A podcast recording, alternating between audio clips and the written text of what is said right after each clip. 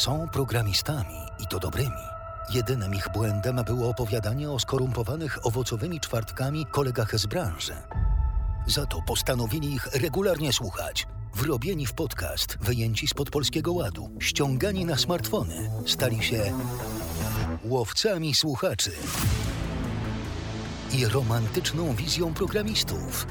Występują Łukasz Lewandowski i Krzysztof Mazur.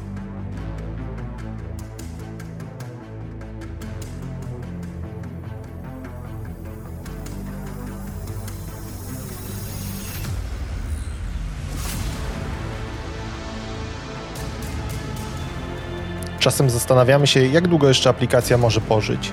Nie zdajemy sobie sprawy, że przed nami ktoś już przemyślał tę kwestię i ją opisał. Dzięki cyklowi życia produktu jesteśmy w stanie umiejscowić nasz software na linii czasu i uświadomić klienta, ale też nas samych, co jeszcze i jak długo naszą aplikację czeka. Do czego może doprowadzić brak rzetelnej analizy? Co zrobić, kiedy napotkamy problemy w trakcie implementacji? Spróbujmy się zastanowić i odpowiedzieć na te pytania. Posłuchajcie.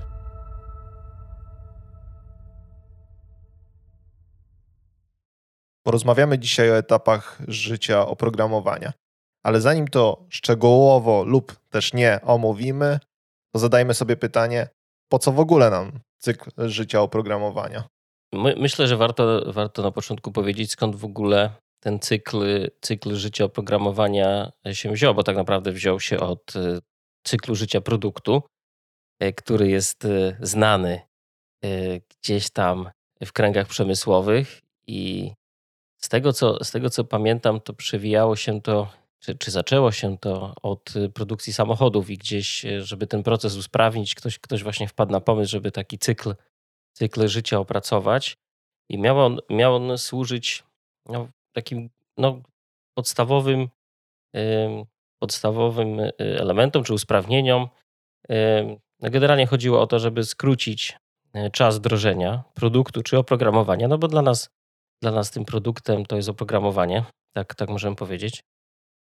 Poprawić jakość tego produktu, yy, wiadomo, ograniczyć jakieś koszty związane z przygotowaniem, przewidzieć, jakie mogą wystąpić procesy, problemy w trakcie, w trakcie opracowywania i produkcji tego produktu, jak i pomyśleć nad całą tą otoczką, która już dzieje się po po wyprodukowaniu tego produktu, czyli jakiś serwis, czy utrzymanie.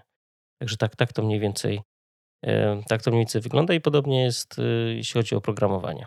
Powiem ci, że zaskoczyłeś mnie, bo nie, nie spodziewałem się sięgania aż do motoryzacji i, i, do tej branży, że to właśnie tam bierzemy te korzenie naszego cyklu życia oprogramowania. No tak, tak. Ja sobie, ja sobie taki research, research mały zrobiłem i tak to, tak to mniej więcej wygląda. I, no ale mam, no, trzeba, trzeba powiedzieć, że ogólnie branża automotive w trakcie rozwoju no dużo, dużo takich y, rozwiązań przydatnych y, gdzieś tam zainicjowała i, i, i one trafiły no, szerzej, tak? Y, wyszły poza, poza tą branżę.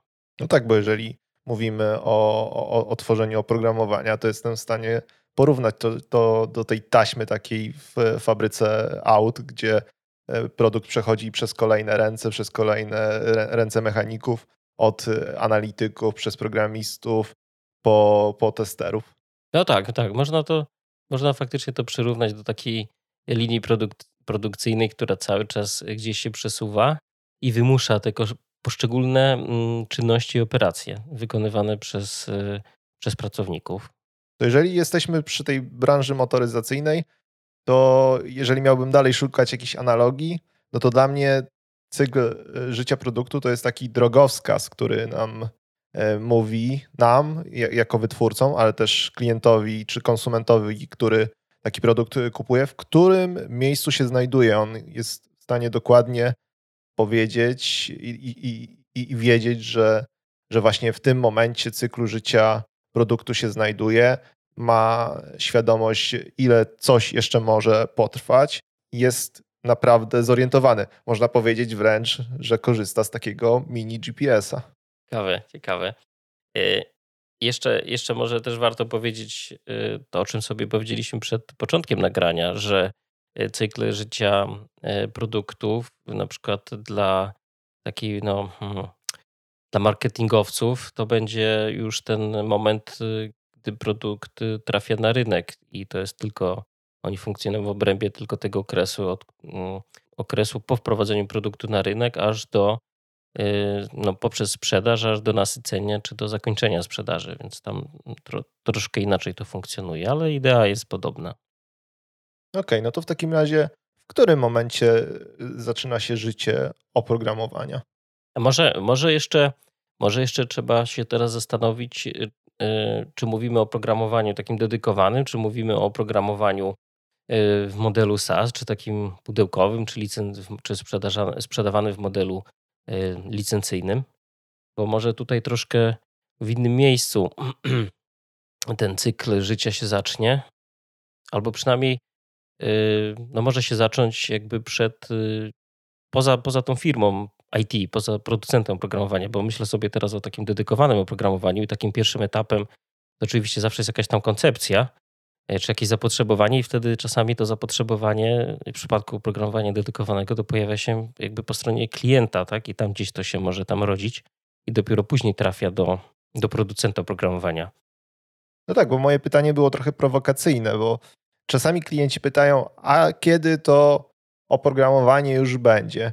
I nie mają w ogóle świadomości, że tak naprawdę już zaczęli cykl życia tego oprogramowania, bo to moment, w którym oni decydują, czy to oprogramowanie jest im potrzebne, jest już właśnie zaczęciem tego cyklu życia. Tak, oni, oni mają jakąś potrzebę, potrzebę biznesową, czy potrzebę usprawnienia e, jakiegoś swojego procesu wewnątrz firmy, wewnątrz swojej organizacji i wtedy, tak jak mówisz, to już e, następuje to, to, rozpoczęcie tego, tego cyklu życia. Oni rozpoczynają ten proces i później zwracają się do producenta oprogramowania, żeby to e, zrealizować tak naprawdę. Oprogramowanie może zakończyć swoje życie po wielu latach, ale może się okazać, że zakończy nawet de facto przed napisaniem pierwszej linijki. No tak, bo może się okazać, że gdy mamy tą koncepcję i no, udamy się do takiego producenta, to może ona zostać brutalnie zweryfikowana, tak? I i, i jakby zostanie ten cykl, tak jak mówisz, no może zostać zakończony, może zostać przerwany, gdzieś tam odłożony w czasie. Yy, no tutaj no wszystko, wszystko zależy od, od tej koncepcji. A jeżeli, jeżeli tutaj powiemy sobie o takim oprogramowaniu w modelu SaaS, to, mm, to tak naprawdę ta koncepcja rodzi się już bezpośrednio u producenta oprogramowania. No i jest przez niego, że tak powiem, no, dalej realizowane. Oczywiście to się może, może to być poparte jakimiś y, feedbackami czy jakimiś bodźcami ze strony klientów, tak? Y, gdzieś, gdzieś z rynku, którzy się y, o coś pytają, próbują coś znaleźć w internecie i jakieś tam zapotrzebowanie mogą generować, ale koncepcja jakby pojawi się wtedy bezpośrednio już tego, u tego producenta oprogramowania, czy w ramach jakiegoś startupu. Tak, ale wiesz co, nawet jeżeli przyjąć, że to jest oprogramowanie w modelu SaaS, to mam wrażenie, że taki produkt i tak musi przejść wszystkie etapy cyklu życia. A oczywiście, oczywiście. Okej, okay, załóżmy, że już mamy jakąś potrzebę i ona się okazała nawet potrzebna i być może e, warta zrealizowania. Co potem się dzieje? Jeżeli, jeżeli jest warta zrealizowania, no to myślę, że można przejść, e, przejść do takiego etapu można to nazwać y, jakąś taką bardziej szczegółową analizą, albo już nawet etapem projektowania, gdzie spróbujemy mm, opracować y, czy, czy zebrać wszystkie funkcje, które chcielibyśmy w tym oprogramowaniu mieć.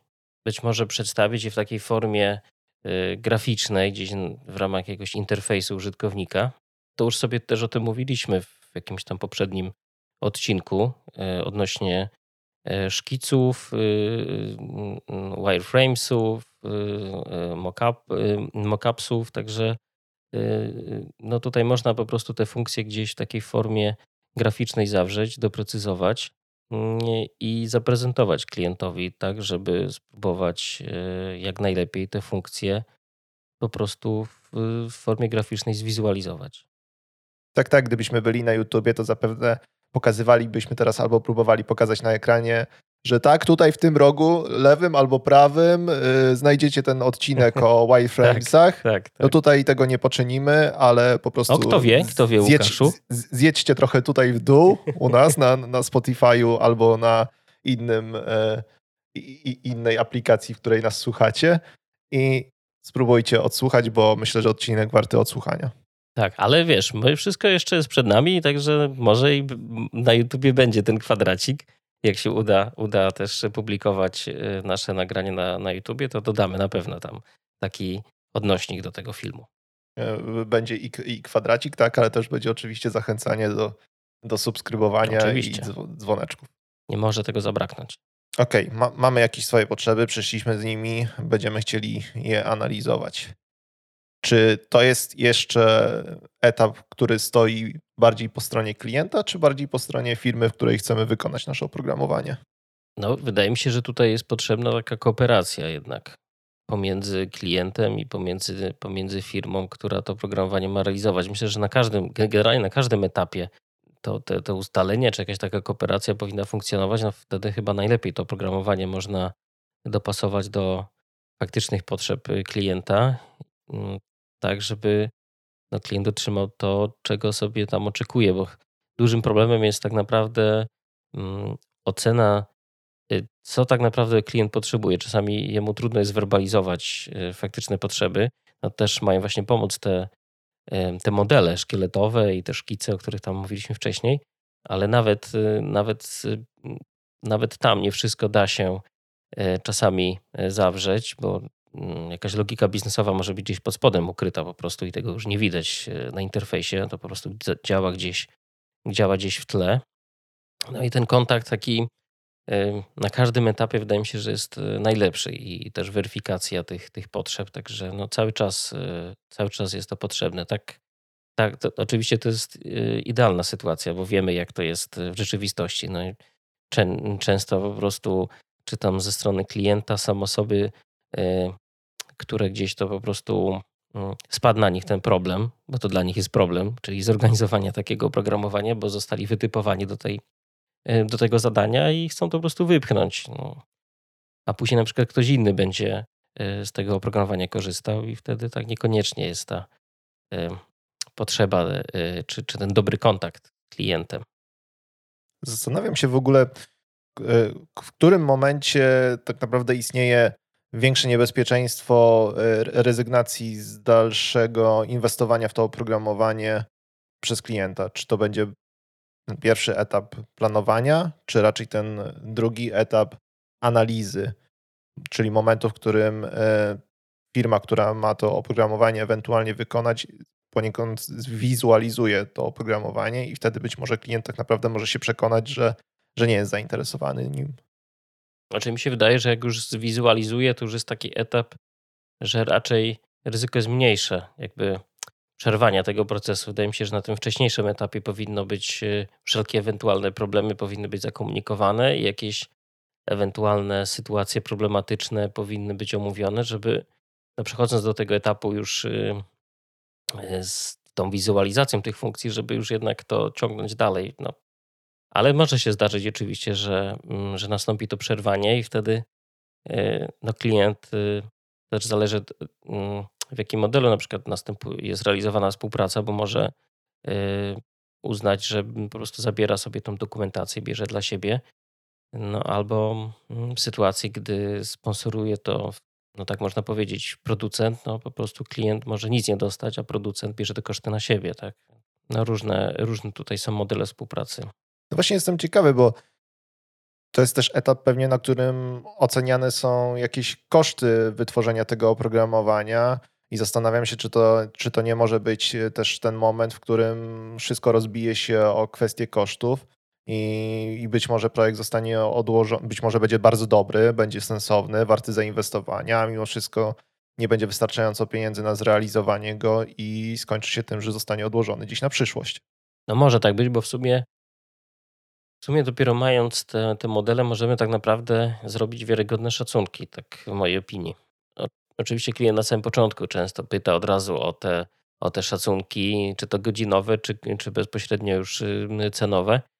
ale oszacowanie tego na tym wcześniejszym etapie jest czasami dość trudne. Chyba, że ktoś pracuje, jakaś firma pracuje na jakichś już gotowych klockach, ma to gdzieś wyszacowane i robi tylko ich modyfikacje, to wtedy ten szacunek będzie bardziej, bardziej precyzyjny i na tym już wstępnym etapie jest w stanie, jest w stanie tą wycenę no, zrobić na bardziej dokładnym poziomie.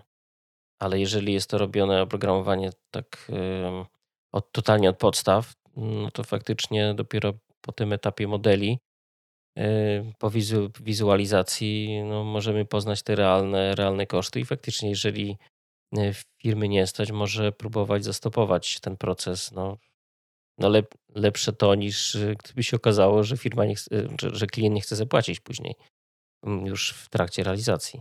No to jest zdecydowanie o wiele lepsze wyjście. Mówimy o kosztach. A czy to jest w ogóle ten etap, w którym pojawiają się programiści, czy jeszcze nie? Wiesz, y, programiści, to, to mi się wydaje, że się to powinni pojawić później, już na etapie takiej faktycznej implementacji, ale mogą się pojawić, to też w zależności od tego, z, jak duża jest firma. Jeżeli firma jest większa i, i są jakieś osoby, które zajmują się tylko architekturą systemów, yy, lub jest e, tak zwany E, no, jakiś tech lead, jakiś lider y, technologiczny, czy, czy backendowy, czy frontendowy, to może dokonać tych konsultacji technologicznych na początku, żeby w ogóle ocenić, czy firma jest w stanie zrealizować te funkcje w ramach, y, w obrębie technologii, w której pracuje. Bo no, może się okazać, że e, klient potrzebuje aplikacji mobilnej, a my robimy tylko aplikacje webowe. No to siłą rzeczy y, no, technicznie E, tego nie, nie zrealizujemy, więc trzeba to na tym pierwotnym etapie skonsultować e, z no, zapleczem technicznym producenta oprogramowania i, i ocenić. No, ale to też myślę, że handlowcy już w takich firmach i jakieś osoby, które się zajmują e, sprzedażą, to też mają tą świadomość i są w stanie zrobić ten pierwszy odsiew na wstępnym etapie. Tak się generalnie też zastanawiam, czy, czy ten etap analizy to nie jest najważniejszy etap w cyklu życia produktu, bo błędy popełnione podczas etapu rzutują bardzo mocno na, na, na kolejne. No pewnie wszystkie etapy są, są ważne, ale tutaj jakoś mam takie osobiste odczucie, że to jest ten etap, w którym no, jakieś niewłaściwe zebranie wymagań od klienta, niewłaściwy dobór technologii, no, w sposób znaczący i, i absolutnie totalny rzutuje na to, jak to oprogramowanie będzie potem wyglądać. Ale to też do, no, tak samo jest jak dom się buduje. Gdy na tym etapie analizy coś, coś zrobimy źle, to później, yy, później ewentualne korekty są yy, no, bardzo bolesne czasami. I, I, tak jak mówisz, tutaj ten etap analizy jest tak, no, można powiedzieć, że jest najbardziej istotny w sumie. Yy, bo wszelkie błędy tam popełnione będą się za nami ciągnąć do samego końca, albo mogą na przykład uniemożliwić produkcję tego oprogramowania i spełnienie jego, no, podstawowej roli tego programowania, czyli realizacji potrzeb y, biznesowych y, klienta. Załóżmy, że już dokonaliśmy tej analizy i o dziwo prawdopodobnie udało nam się ją zrobić dobrze, chociaż to pewnie wyjdzie gdzieś później. Co dalej?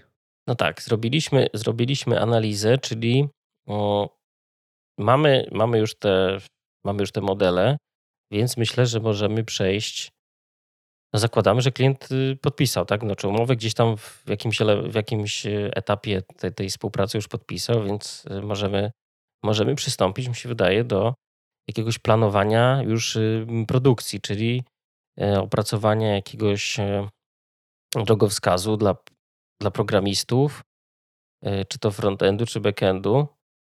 Możemy próbować tą pracę E, gdzieś tam w czasie zaplanować, dobrać zespół, tak mi się wydaje, odpowiednie osoby, czy, czy zaplanować produkcję tego oprogramowania, dobierając odpowiednie osoby do zespołu, też w zależności od, od tego, mm, w jakim czasie ma powstać to oprogramowanie, czy jest presja czasowa, czy nie. Możemy odpowiednio podzielić te zadania na, na kilka zespołów programistycznych, czy może to być jeden zespół programistyczny i, i myślę, że można przystąpić powoli do do pracy. Nie wiem, czy się tu ze mną zgodzisz.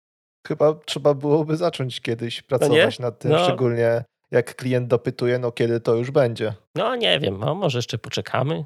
Może, może klient musi się namyśleć, może musi przetrawić. Może jakiś bufor czasowy trzeba dać. No właśnie, ale, ale wiesz co, zadam ci y, takie pytanie. No. A nie mamy, nie mamy y, tylu programistów, żeby móc spełnić y, to zadanie w określonym czasie.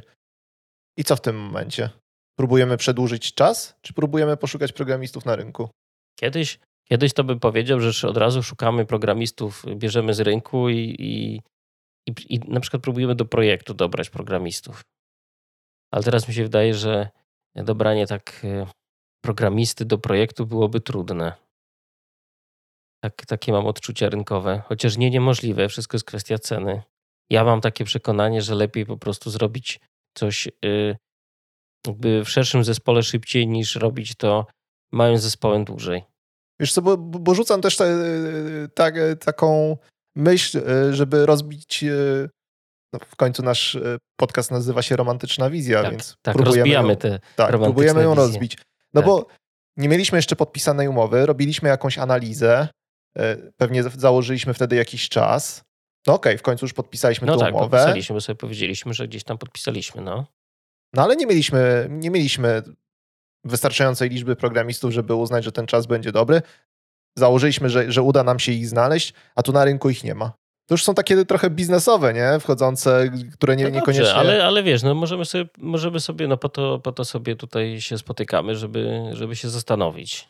A wszystko jest, y, wszystko jest kwestią ceny. Można, można próbować y, porozmawiać. No tak, zależy, jaki mamy, zależy jaką mamy poduszkę finansową, na tym, jaki mamy, jak mamy zmarżowany ten, ten projekt. Bo jak mamy go dobrze zmarżowanego, no to możemy się pokusić o jakimś y, przy, no tutaj przebicie stawki rynkowej i, i, i, dobranie tego programisty do projektu. Ja myślę, że ktoś na, na dobrą stawkę to się skuszą, nie? No, do projektu. No jak spoglądam na oferty, no to czuć, y, które to są oferty na jeden projekt lub na krótki czas, a które to są na dłuższą współpracę. Ja ci powiem, że kiedyś miałem taki okres, że y, lubiłem takie y, właśnie takie prace do, y, w ramach konkretnych projektów. I nawet nie były jakieś mocno przypłacone, ale to były inne czasy. Ale miało to swój urok. Y, duże urozmaicenie. Także, ale mówię, tu in, inne czasy były. I wtedy chyba nie było takich problemów. No a teraz, no, dobra stawka i, i możemy tego programistę ściągnąć. No chyba, że myślimy y, o tym, żeby faktycznie tą firmę powiększać. Mamy już y, równolegle zbieramy kolejne zapytania, no to możemy sobie myśleć, że tego człowieka może warto wziąć y, na stałe, poszerzyć zespół tak trwale i, i zaoferować y, tej osobie, jeżeli się sprawdzi, y, dłuższą współpracę. Już abstrahuję od tego, czy, mm, czy branie jakiejś takiej świeżej osoby do projektu, który jest załóżmy kluczowy dla nas, jest bezpieczne, ale to o tym też sobie chyba już rozmawialiśmy jakiś czas temu, gdzieś tam dywagowaliśmy na ten temat. E, no ale załóżmy, że go sprawdziliśmy, tą osobę, jest, e, jest rzetelna, e, realizuje swoje zadania i wtedy, wtedy myślę, że można by było tutaj się pokusić o poszerzenie zespołu. Jeżeli jest ten potencjał, widzimy, że gdzieś w przyszłości te zapytania nam wpadają, no wiadomo, z iluś tam zapytań one się, mm, ileś tam zapytań przełożyć na przykład na jedno zlecenie, no, musimy sobie spróbować gdzieś zaplanować tą przyszłość i mieć tą poduszkę, poduszkę finansową, odpowiednią marżę. Tak myślę, że po prostu trzeba zarabiać na tym, żeby było nas stać na jakieś takie operacje. No bo jeżeli opłacamy tylko programistów i nic nam z tego za bardzo nie zostaje, no to ciężko, nie? To chyba tak ogólnie tak średnio. No tak życiowo to chyba ciężko, ciężko żyć bez poduszki, nie? Że tak nie? no. można powiedzieć od pierwszego do pierwszego. Mhm. No, to tak, to tak sobie tutaj y, teraz podywagowaliśmy. No ale jak tak pożonglowaliśmy sobie tymi problemami, to dorzucę jeszcze jeden. No jednak nie, nie przeprowadziliśmy prawidłowo tej no, analizy no nie. i w trakcie implementacji okazuje się, że, że nie dość, że w ogóle nie doszacowaliśmy, jeżeli chodzi o czas, to jeszcze okazuje się, że wybraliśmy nie tą technologię, którą trzeba. No to to już gorzej. W sumie hmm, nie tą technologię no nie wiem, czasy odpowiedzi się nie zgadzają. Wiesz co? Nie wiem, a, a no, zadałeś mi to pytanie, to może teraz ty odpowiedz pierwszy. Ja mam się teraz pomęczyć? Tak, teraz ty się pomęcz, a ja będę miał więcej czasu na zastanowienie.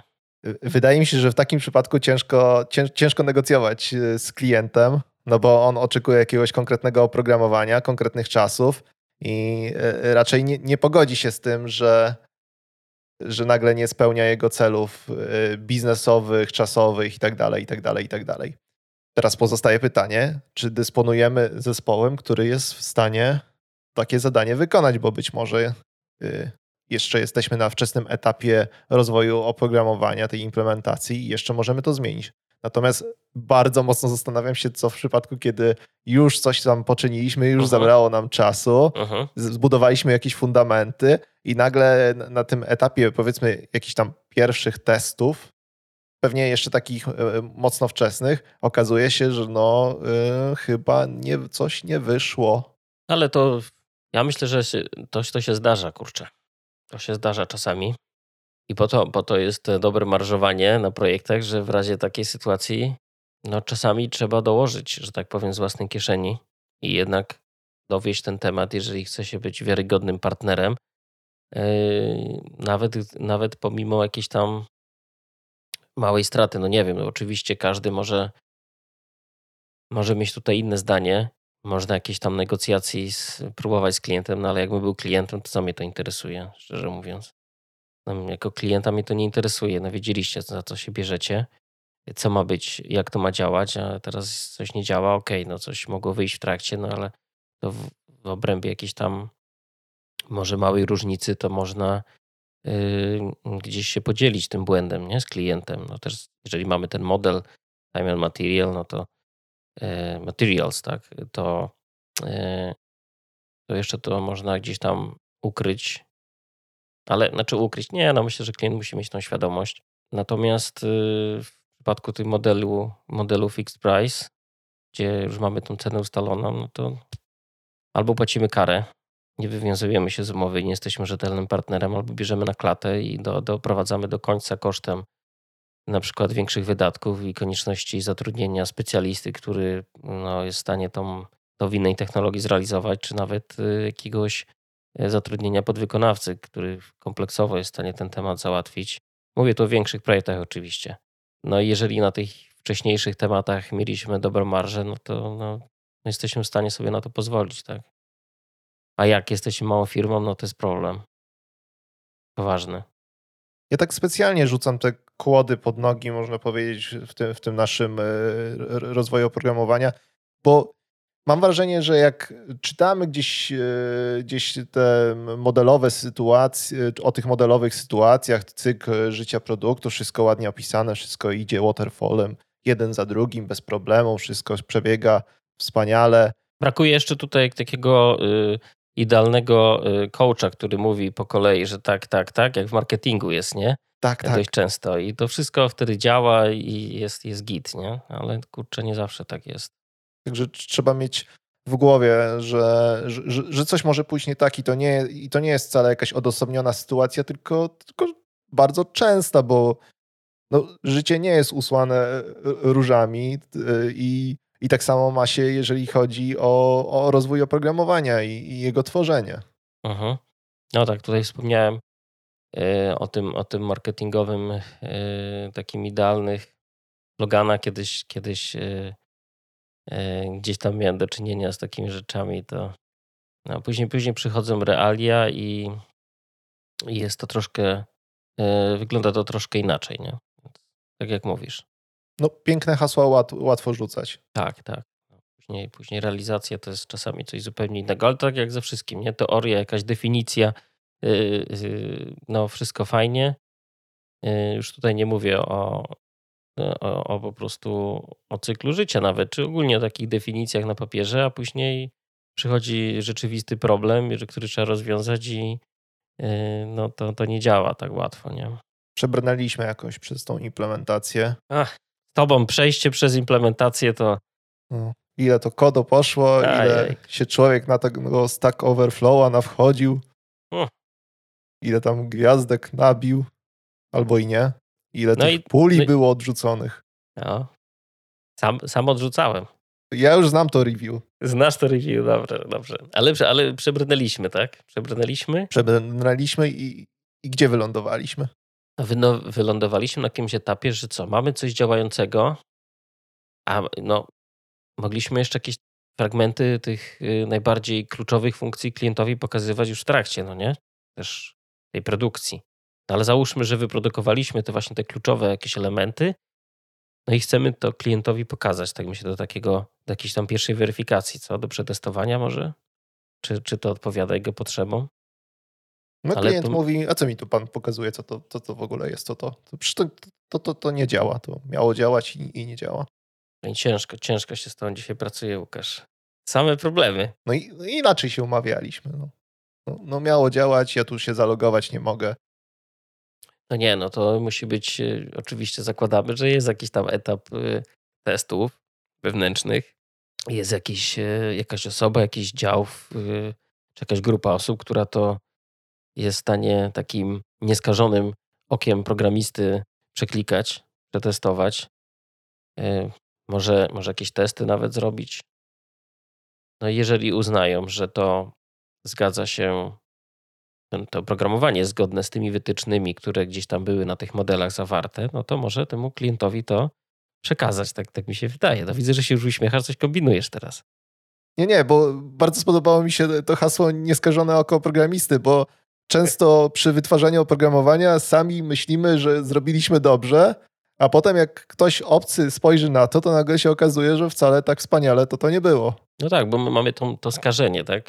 W ogóle jak, jak, jak coś sprawdzasz, to wiesz jak to działa, więc podświadomie te, te kroki robisz tak, te testy, czy sobie przeklikasz w taki sposób, że nie wyłapiesz tych błędów. Przyjdzie ktoś, kto nie wie jak to ma działać, siądzie i to zepsuje, no nie? Tak, do, dokładnie tak to działa. No to, to klient też jest takim testerem Tak, trochę. tak, no tak, no bo no to jest typowe, kurczę, typowe, dlatego to nieskażone oko jest bardzo cenne, moim zdaniem. I bardzo mi się dobrze pracowało, jak takie nieskażone oko y, gdzieś tam wiedziałem, że jest i później na to, na to rzuci tym swoim nieskażonym okiem, na to, na to oprogramowanie, sprawdzi i to też gdzieś ten ciężar ściąga. Y, no bo to raz, że wyprodukowanie, później przetestowanie, gdy, gdy programista ma to robić sam, to jest strasznie obciążające, a jeżeli wiesz, że jest kolejna ta ściana później dalej i jeszcze na przykład jakaś tam kolejna, to też troszkę tak, nie wiem, zdejmuje ten ciężar, takie miałem odczucie przynajmniej. A obrażasz się, jak ci wytknął, że jednak nie podołałeś? Ale że kto? zrobiłeś błąd. Ale kto mi wytyka teraz? Y, ten no teraz, tester? No, no wiesz, y, w momencie, kiedy operujemy w języku, który nie ma kompilatora, no to tym kompilatorem jest y, klient.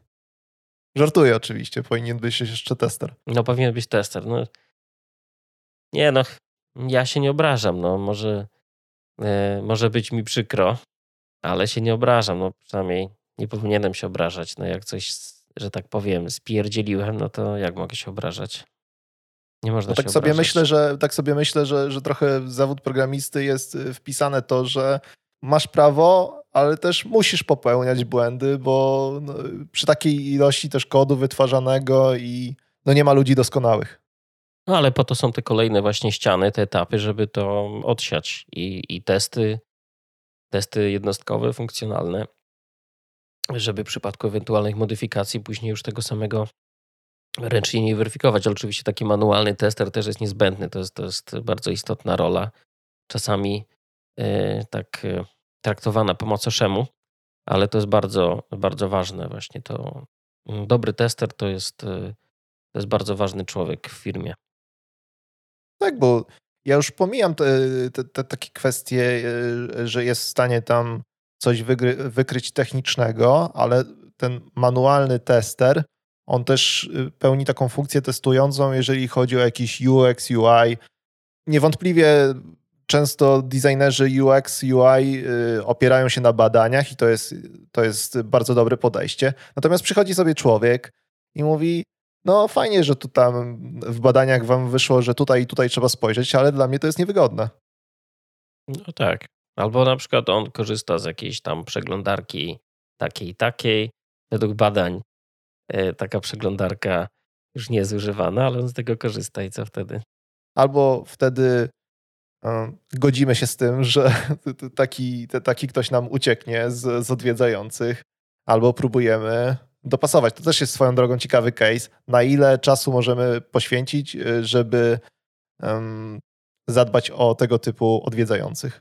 No, to już tak teraz wchodzi, weszliśmy trochę głębiej tutaj na tym, w, tym, w ramach tego punktu, e, trochę głębiej w tą produkcję, no bo możemy sobie e, się zastanowić, ile na przykład stracimy, jeżeli ten klient, jeżeli, że tak powiem, nie dostosujemy tej przeglądarki do, do takiego działania, które umożliwi w pełne wykorzystanie strony, no i na przykład stracimy tego, tego użytkownika, tego potencjalnego klienta na stronie. Jeżeli to jest jakiś klient za 40 zł, to to, to jest nieistotne, ale jeżeli on tam składa zamówienia potencjalnie za kilka tysięcy czy, czy więcej, no to wtedy już no, trzeba oszacować, nie? czy koszt dostosowania jest, y, czy, czy to się gdzieś tam zwróci w ogóle.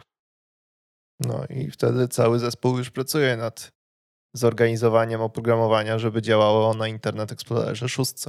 No pamiętam, pamiętam takie, takie a to było wyzwanie szóstka, siódemka to, to, był, to, było ten, to była taka różnica, że a już dobrze, że, że to minęło. Też miałem niestety takie doświadczenia mm. z dostosowywaniem pod y, bardzo indywidualnych klientów. Ej, a szóstki, ogólnie Internet Explorery, to w, trzymały się długo też y, w korpo, no nie? Gdzieś tam na takich stacjach roboczych, starszych i tak dalej. Oj, tak. Dobra, to teraz trochę zrzucę tych problemów. Już, już nie będę dorzucał. Nie no, to dzisiaj to na każdym kroku tutaj mnie otłukujesz strasznie z tymi problemami, no. No ale dobra, co wyprodukowaliśmy? No, już wyprodukowaliśmy, tak. Klient już nawet, klientowi się nawet już podoba i nawet się zalogował. Super, super. No, no co dobra. dalej? Czy możemy, czy możemy uznać w takim razie, że jak się zalogował, gdzieś tam dopracowaliśmy te błędy, to co, że już jest y, gotowe to programowanie? Czy jeszcze coś? No fajnie jakby gdzieś y, zaczęło działać. No ale dobra, no działa.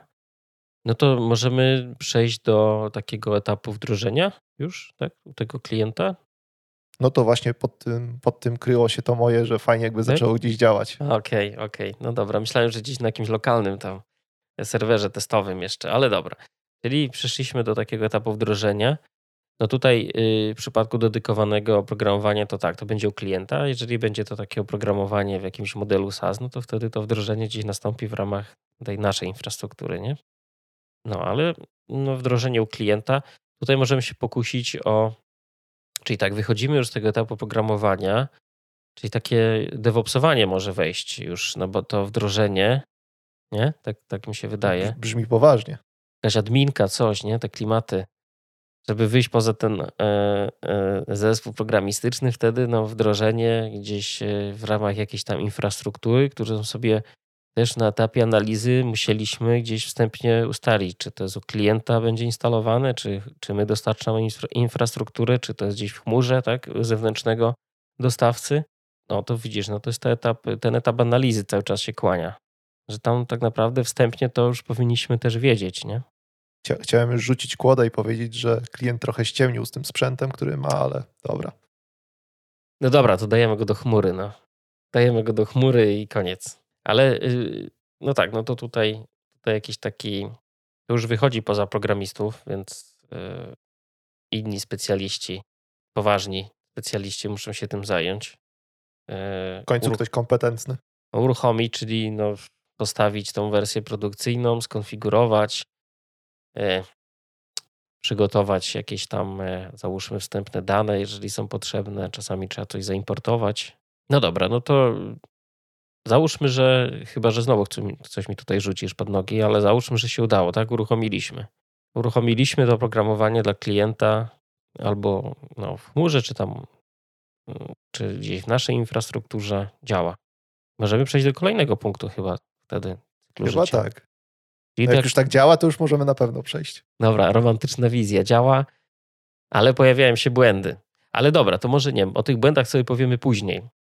Właśnie mhm. w, w, ramach tego utrzymania. No bo uruchomiliśmy, załóżmy, że ten etap, bo tak to byśmy nigdy nie tego cyklu, z tego cyklu nie wyszli, kurczę, byśmy cały czas się tam kręcili. No dobra, wyszliśmy z tego etapu już uruchomienia, no to przechodzimy do takiego etapu gdzieś e, obsługi takiej posprzedażowej, utrzymania, wsparcia, może jakiejś gwarancji, jeżeli ktoś daje jakąś gwarancję na oprogramowanie. No właśnie, to jest pytanie, no bo nie wiem, kupuję, kupuję jakiś sprzęt, to dostaję dwa lata gwarancji. a jak to, jak to się powinno odbywać przy oprogramowaniu. Klient na pewno będzie oczekiwał, że to, co dostanie, będzie działać prawidłowo w obrębie tych funkcji, które były zamodelowane w, gdzieś tam w tych mockach czy, czy w tych modelach. No jeżeli nie będzie działać, no myślę, że tutaj ten okres jakiś gwarancyjny musi być zapewniony. Jakiegoś takiego wsparcia gwarancyjnego przez producenta. Bo jak tak sobie myślę o dwóch latach w świecie oprogramowania, to. To, że dużo, nie? No. Że to, to jest dwa lata, to są lata świetlne już wtedy. Nie? W IT. No tak, ale to też zależy, czy myślimy sobie, co jest tą gwarancją. Bo jeżeli i o jakim oprogramowaniu mówimy, no bo jeżeli mamy takie oprogramowanie gdzieś desktopowe, to tam może troszkę sytuacja jest. Chociaż nie, tam też są kurcze problemy, jakieś aktualizacje, na przykład Windowsa są w stanie wyrąbać później tą, tą naszą apkę, bo jest jakaś poprawka weszła, nie? Więc coś, coś, coś bruździ. Y, no tak samo z przeglądarkami, jakieś problemy w przeglądarkach mogą, y, czy, czy zmiany w kolejnych wersjach przeglądarek mogą blokować działanie niektórych funkcji naszego oprogramowania przeglądarkowego, webowego.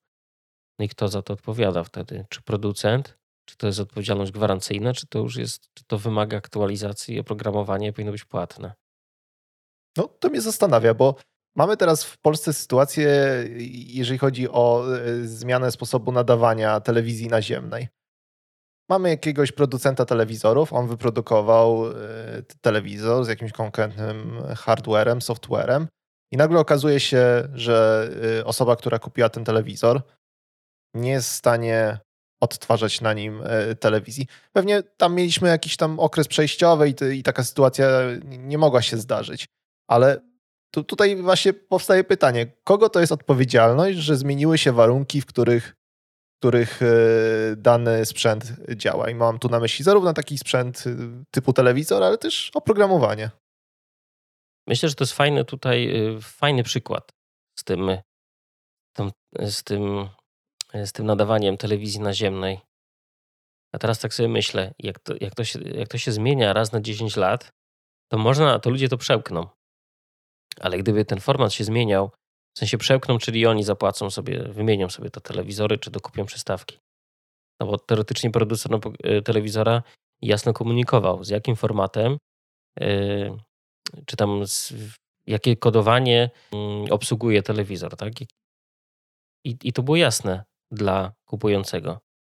Może nie musiał wnikać, czy to jest y, taki kodek, czy taki, ale było oznaczenie DVB-T yy, yy, i koniec. Tak? I w ramach tego są jakieś tam standardy przyjęte i, i tyle. Natomiast gdyby ten standard się zmieniał na przykład y, co miesiąc, co dwa, a w sumie tak się dzieje z, z, w świecie IT, tak? Te poprawki, jakieś wersje, to tak się zmienia, czy nawet częściej, nie? Co dwa, trzy tygodnie może wyjść nowa wersja przeglądarki. No i teraz, gdyby klient telewizora za 2-3 miesiące miał modyfikację standardu, to by myślę, że oczekiwałby od producenta telewizora, że ten zapewni to wsparcie w ramach oprogramowania, że dostosuje. Oczywiście nie zawsze się da, bo czasami po prostu sprzętowo jest jakieś wsparcie sprzętowe i po prostu konkretny chip sprzętowo coś dekoduje i tego nie przeskoczymy. Ale jeżeli e, da się to zrobić programowo, to myślę, że ludzie by oczekiwali wręcz, to byłaby, byłaby duża presja na, na, na sprzedawcę, znaczy nie na sprzedawcę, na producenta telewizora, żeby to e, oprogramowanie dostosował. No i zresztą e, przecież są te aktualizacje oprogramowania smart w ramach telewizoru przez jakiś czas niestety, ale są. No, problem jest taki, że telewizor kupujemy na powiedzmy na 10 lat, a, a oprogramowanie jest aktualizowane przez 2-3, tak? I później przeważnie jest koniec. No właśnie, ale mówisz też o tym, że sam producent, y, gdyby taka sytuacja się zdarzyła, że, że, te, y, że te okoliczności zmieniałyby się dużo częściej, no to byłby tam zmuszony do jakiejś aktualizacji. Zmuszony, ale też w jakimś mhm. czasie. Czyli tak. właśnie do tego zmierzam. myślę, że tak, myślę, że tutaj zmierzasz też właśnie do tego, do tego czasu. Jak, jaki to jest optymalny czas. Ja nawet y, to, to o tym za chwilę, ale jeszcze chciałem powiedzieć, że często y, są sytuacje, na które w ogóle producent nie ma y, wpływu, bo mieliśmy jakiś czas temu e, wielkie iWi, bo wypadło chociażby HBO Go z, z kilku smart telewizorów To jest zewnętrzna paczka, na którą producent nie ma kompletnie żadnego wpływu. I często my też tworząc oprogramowanie opieramy się na jakiejś paczce, na którą nie mamy wpływu. No i co wtedy? No i znowu mi tutaj kłody rzucasz. Ej, Łukasz, Łukasz. No i no, wszystko zależy, jaki, jaką obsługę gwarancyjną mamy zawartą w umowie. Jeżeli myśmy użyli jakiejś paczki zewnętrznej, bo nam się nie chciało czegoś zrobić, sobie zaoszczędziliśmy pieniądze, ale to my zaoszczędziliśmy, ale my też odpowiadamy, no nie? Za jakby ten końcowy efekt. To nie jest istotne, z jakiej, z jakiej paczki my korzystamy. Powinniśmy ją sobie zabezpieczyć. I klienta to w sobie nie, nie interesuje. A to trochę jest tak jak y, z nadawcami e, y, telewizji cyfrowej, że wypada tam jakiś y, kanał, klient podpisał na określoną pulę kanałów, wśród nich był właśnie ten, który wypadł i tak naprawdę otwiera mu się furtkę do rozwiązania umowy. Yy, ale nie zawsze, bo często platformy sobie robiły jakieś furtki, że to jest yy, tylko część kanałów była gwarantowana, a te yy, a reszta była w takiej formie takiej bonusu, takiej bonusowej, czyli wypadnięcie ich teoretycznie nie powodowało powodu, nie dawało powodu do przerwania umowy ze strony klienta. Czyli być może tu jest rozwiązanie, żeby stworzyć gwarancję, ale która mówi o określonych warunkach. No tak, no i, i, i często mamy właśnie to, to wyłączenie gwarancyjne, no nie? Przecież też gdzieś się na pewno spotkałeś. Więc y, no sztuką jest tutaj gdzieś y, zrobienie, zrobienie tej, tej dobrej umowy gwarancyjnej. Dobrze to, y, żeby dobrze zabezpieczyć swoje interesy, ale też dać jakieś zabezpieczenie klientowi, no bo jeżeli nie damy mu żadnego zabezpieczenia, no to może z nami w ogóle tej umowy nie podpisać. No bo dla niego to jest y, też kluczowe, żeby jego biznes miał to, to oprogramowanie w takiej działającej postaci, no bo jak to nie będzie działać, to po co mu to w ogóle jest? I to musi działać przez jakiś czas, tak? Więc no bo mamy ten etap analizy. To tam, tam powinno to zostać ustalone i jasno zakomunikowane klientowi, tak mi się wydaje. Czyli cały czas tak na dobrą cały sprawę czas. wracamy do tego najważniejszego etapu, który, który chyba gdzieś nam tak wyszedł, że, że, że to jest ten etap, no, który nam tak. E, kwalifikuje i decyduje o tym, jak to oprogramowanie będzie w rzeczywistości wyglądać i jak będzie działać. No tak, bo, bo właśnie też ta obsługa gwarancyjna będzie rzutować, yy, może rzutować na cenę. Znaczy na pewno będzie rzutować. No bo jeżeli klient chce mieć dłuższy okres wsparcia, czy jakiś taki kompleksową, kompleksową gwarancję, że jego w sumie nie interesuje, że kurczę w Windowsie się coś zmieniło, albo że Chrome wyszedł w wersji 79 e, i coś przestanie działać i my to mamy zrobić, no to musimy sobie to wkalkulować, no nie? Jesteś spóźniony jak Internet Explorer 6, teraz jest Chrome już. Ło! Rzuciłem sobie tak e, totalnie, totalnie, ten, totalnie e, bez patrzenia na wersję no może jestem, no okej, okay, jestem spóźniony. No to dobra, w wersji 179. Lepiej? No już bliżej. Lepiej? Niewiele, ale lepiej, dobra. Niewiele, niewiele lepiej, ale lepiej. O czym jeszcze powinniśmy pomyśleć przy utrzymaniu tego produktu? E, czy o tym, jak ewentualnie przedłużyć życie tego produktu, jeżeli będziemy uznawali, że w którymś momencie powinno się zakończyć jego życie? E, chyba, w, znaczy w idealnym, e, w idealnym takim przy idealnym podejściu to powinien taka, takie, mm, taki, taki okrąg, taki coś, coś, co, coś zamknięte i cały czas się toczy, tak? Cały czas ten cykl życia trwa, no bo po wypuszczeniu tego oprogramowania, tak jak mówisz, yy, są y, aktualizacje, ale też może się pojawić feedback ze strony y, klienta, że on jednak chce na przykład coś tam usprawnić, zrobić coś, y, do, dołożyć, poprawić. I jakby wtedy odpalamy taki mały cykl życia małego produktu, który z modyfikacją i on, on, on będzie tam miał swoje etapy analizy, planowania, znowu modelowania, wdrażania, ale automatycznie będzie mógł właśnie przedłużyć, bo w ramach tych, tych czynności też możemy realizować aktualizację paczek na przykład w ramach naszej aplikacji i wydłużać y, ten okres y, mm, działania tej aplikacji jako całości. Jak najbardziej. A czy jest jakiś moment, w którym uznajemy, że no już nie da się dalej przedłużać życia. No, pacjent ewidentnie już nie rokuje. No i tutaj, i, tutaj y, jest kwestia podejścia do sprawy.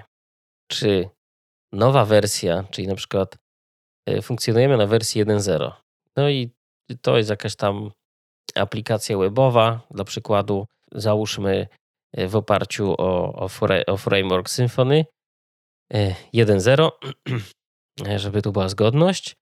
No i żeśmy tam przedłużali, tak, robiliśmy te aktualizacje, no ale teraz mamy już nowe wersje PHP, nowego frameworka i tak dalej, więc siłą rzeczy po pierwsze na przykład może być ciężko znaleźć kogoś, żeby te aktualizacje przeprowadzał, a dwa, że wydajnościowo wychodzimy po prostu gorzej.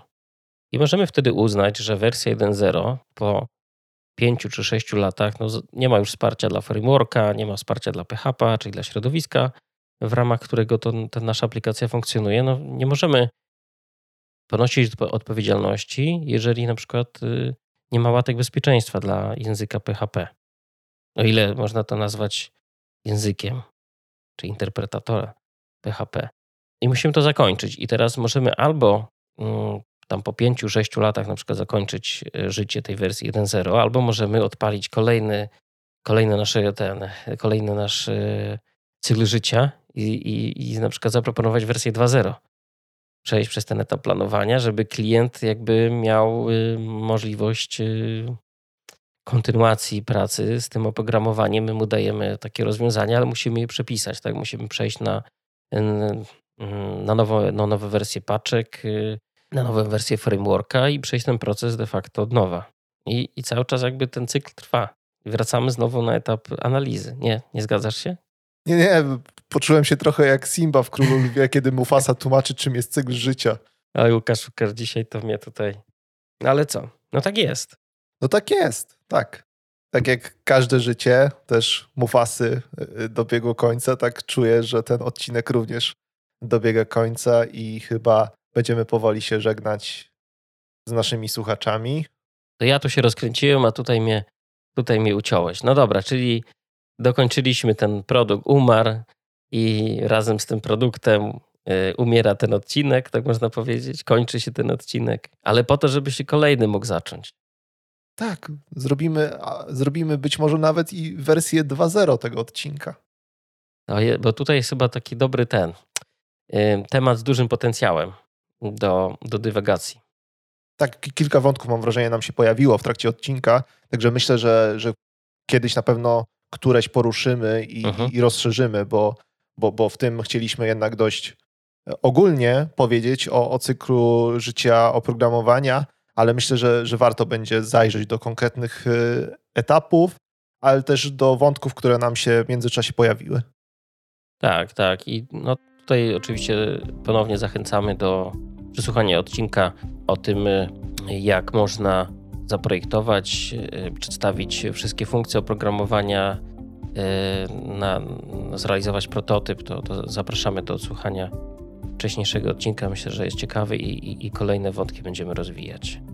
Tak, jak już będzie YouTube, to ten lewy tak, róg, prawy tak. róg. Tak, tak, dokładnie. Dzięki bardzo i do usłyszenia. Również dzięki.